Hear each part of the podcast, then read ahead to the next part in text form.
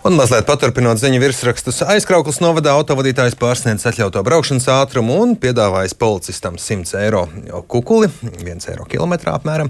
Ātruma pārkāpējs vidzemē policistam piedāvājis 30 eiro kukuli, Latgalē ierēbis autovadītājs bez tiesībām piedāvā policistam 55 eiro. Iekšējās drošības birojas ierosinājis sākt kriminālu vajāšanu pret divām valsts policijas amatpersonām par kukuļu ņemšanu no autovadītāja un aizdomās par aptuveni 2000 eiro kukuli kukuļu pieņemšanu aizstrādāts krimināla policists. Šie ir mm, aizvadītā mēneša septembra ziņu virsraksti, kuros figurē uh, divu vārdu salikums - kukulis un policists. Un, kā uzskatām, tie parāda, tad gan kukuļu došana, gan ņemšana, gan pieprasīšana joprojām aktuāls sērgu Latvijā. Joprojām. Un šorīt studijā esam aicinājuši valsts policijas galvenās kārtības policijas pārvaldes priekšnieku Andriu Zelu. Labrīt! Labrīt.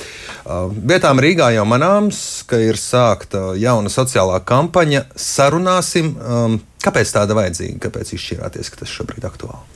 Nu, redziet, varbūt uzreiz paturpinot jūsu ievadaļā minēto sarakstu, arī vakar ir aizturēts viens kukuļdevējs eh, Latvijas pusē, kurš ir piedāvājis kukuli 300 eiro apmērā, vadīdams transporta līdzekli bez tiesībām un alkohola reibuma stāvoklī.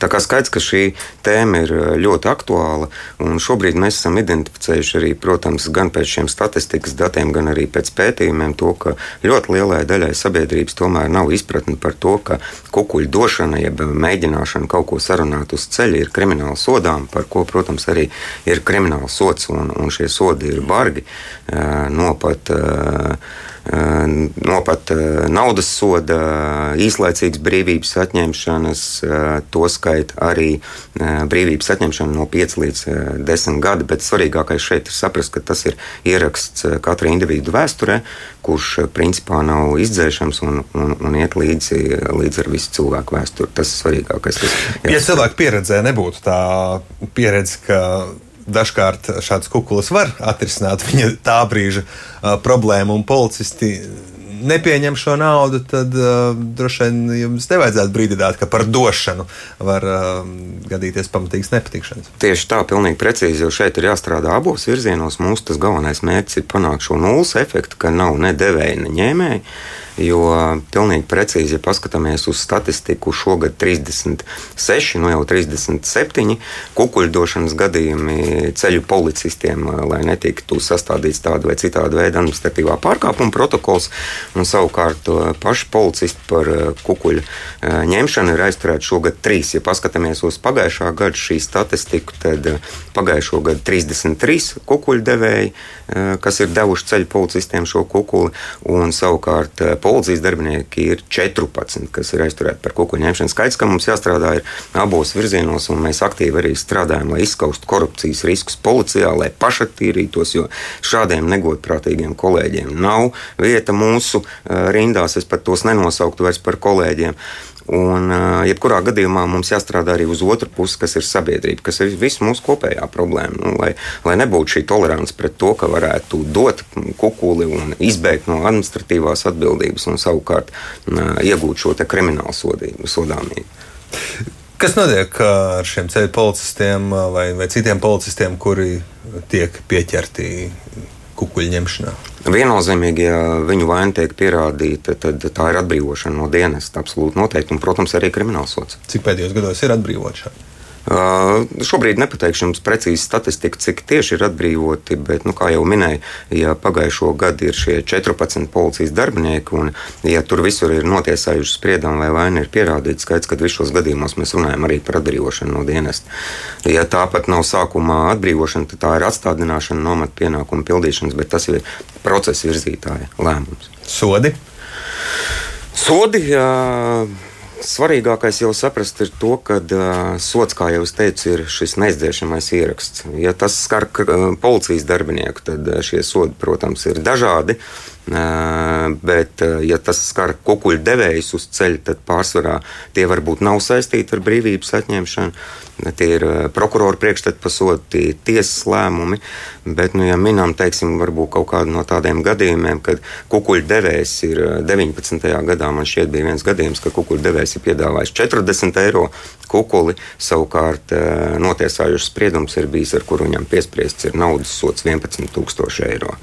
Nu, tas arī ir vēl viens no tiem momentiem, kas, protams, liek aizdomāties, vai šķietama mēģināšana kaut ko sarunāt ar policiju nu, var nebeigties ne tikai ar kriminālu sodu, arī ar, ar naudas šīm sekām un tā tālāk. Kādam kukuļdevējam vai kukuļņēmējam kāds reāli sēž cietumā? Šobrīd manā rīcībā nav tāda informācija, ka būtu šie reālie brīvības atņemšana. Neslēdz, ka tādi ir, ir bijuši, bet šobrīd man nav līdz šādas statistikas, lai par to izteiktos. Vajadzētu? Domāju, ka atsevišķos gadījumos noteikti, jā. Atsevišķos gadījumos noteikti, jā. Jo tas tomēr ir smags noziedzīgs nodarījums. Un, protams, ir jāvērtē, katra lieta ir individuāla. Ir jāvērtē arī pārkāpuma raksturs, ir jāvērtē, vai tā ir bijusi viena reize vai vairākas reizes, un, un tā tālāk. Un tā joprojām. Bet kas svarīgi arī uzsvērt šīs informatīvās kampaņas ietvaros, kad, kad eh, atsevišķos gadījumos iedzīvotāji varbūt neizprot to, ka eh, kukuļa piedāvājums pats par sevi jau ir noziedzīgs nodarījums. Tātad, eh, neatkarīgi no tā, ko policists izdara izdara ar šo kukuļu piedāvājumu, pieņem kukuli vai, vai fiksē šo piedāvāšanas faktu, principā tas jau ir krimināls sodāms nodarījums. Un vēl viena būtiska lieta, ko gribētu arī uzsvērt, ir tas, ka mm, mēs aicinām jebkuru no sabiedrības locekļiem, tai gadījumā, ja kukulis tiks izspiest no policijas puses vai no nu, kādas citas personas puses par to nekavējoties ziņot policijai, sadarboties ar policiju, lai iegūtu atbilstošus pierādījumus. Un šī gadījumā, protams, šī persona, kas ir ziņojusi par uh, to, ka viņai izspiests kukulis, tiek atbrīvot no krimināla atbildības. Ir šādi gadījumi cilvēki? Jā, jā, jā protams, ir. Um, jūs vairāk kārt pieminējāt, un, un, un, un arī es savos komentāros līdzīgi, tā lielākā problēma ir ceļu policija. Jā. šajā jomā? Nepārprotami, šobrīd tas identificētais daudzums, nu, kā jau jūs dzirdējāt, pēc šīs statistikas datus, kur gan piedāvā, gan arī kur paņem, nu, tad, protams, tā ir ceļu satiksmes uzraudzība. Līdz ar to, protams, arī mūsu informatīvā kampaņa šobrīd ir vērsta tieši uz ceļu satiksmes dalībniekiem. Ja, tas ir tas svarīgākais moto. Nu, šīs kampaņas ietvaros, kā jau jūs arī minējāt, ir redzami šie informatīvie stendi, kur ir norādīts par to, ka sarunāšana ar, ar policiju var beigties arī aiz restēm.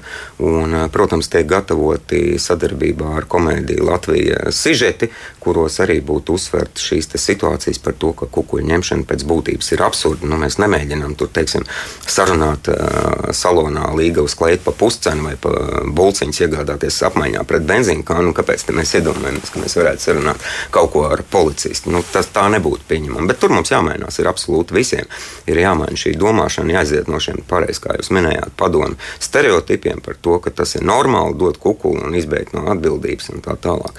Bet eh, tas arī ir eh, senākos vēsturiskos pētījumos, kas ir veikti gan no Providus puses, gan no citu sabiedrisko organizāciju puses, kad, eh, kad principā ļoti daudz ir šī neizpratne un arī skolās skolniekus aptaujājot arī atsevišķos gadījumos gadījumos eh, tā tiek uzskatīta par normu. Tāpēc, ka nav šīs informācijas, tāpēc, ka cilvēkiem netiek uzsvērts to, ka tā nav normāla parādība, kad, lai izbēgtu no administratīvā soda, jūs varat samaksāt ceļu policistam un, un izvairīties no šāda veida nepatikšanām. Nē, tieši otrādi uzsvers ir uz to, ka varbūt pat šķietami mēģinot kaut ko sarunāt, riskējot, jūs, jūs absolūti noteikti iekulsieties daudz lielākās nepatikšanās un krimināla sodām. Pirms gadiem, pieciem, desmit, tikpat kā nebija tādu gadu gadījumu vai ziņu, ka autovadītāji tiek sodīti par kukuļu piedāvāšanu, tiek pieķerti, lai gan skaidrs, ka arī to laiku šādi darījumi notika.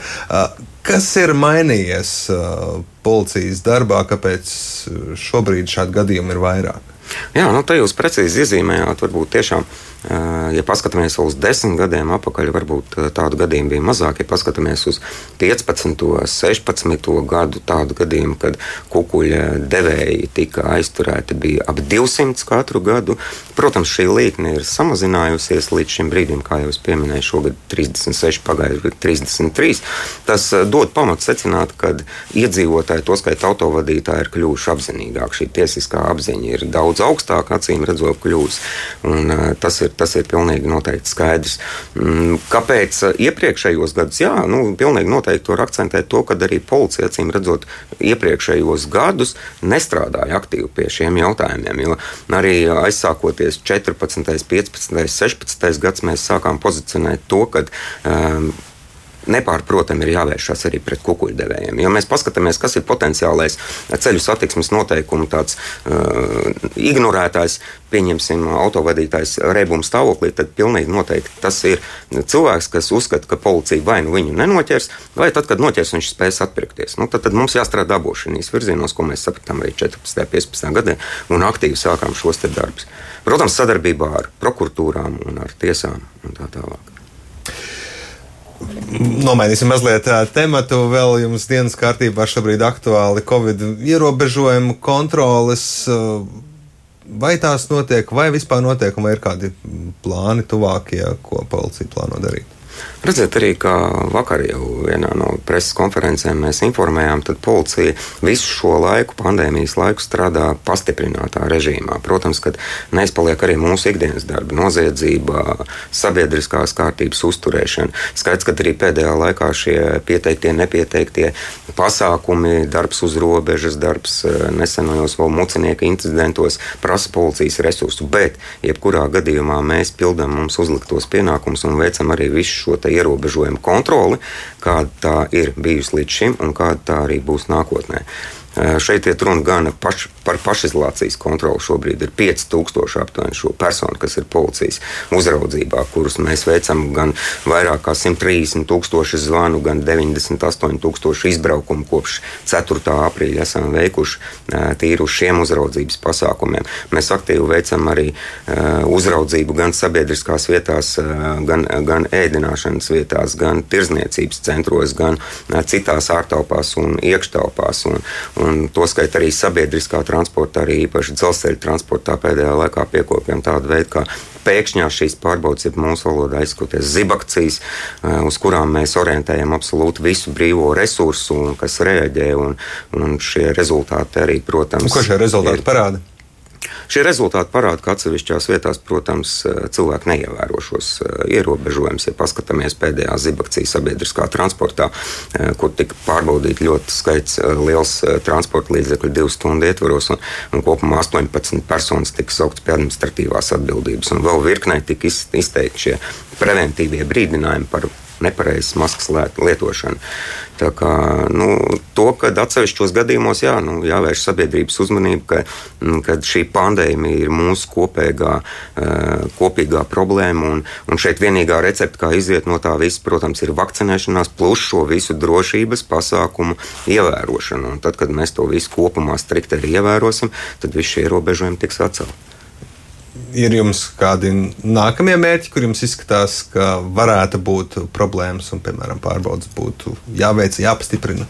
Mēs esam gatavi jebkurā gadījumā reaģēt uz jebkura veida pārkāpumiem, kāda varētu būt. Šobrīd tādas izteiktas problemātikas mēs varbūt nesazīmējam, ņemot vērā to, ka, kā jau minēju, kā mēs esam veikuši šos kontrolas pasākumus visās šajās jomās, par kurām policijai jāveic šī kontrola. Tā arī mēs turpināsim to, protams, veikt gan pēc pašu iniciatīvas, skatot tos punktus, kur iet vissliktāk, gan arī uzklausot epidemiologu šos te ieteikumus. Paldies jums par sarunu. Šorīt valsts policijas galvenā kārtības policijas pārvaldes priekšnieks Andris Zēls ar mums sarunājās.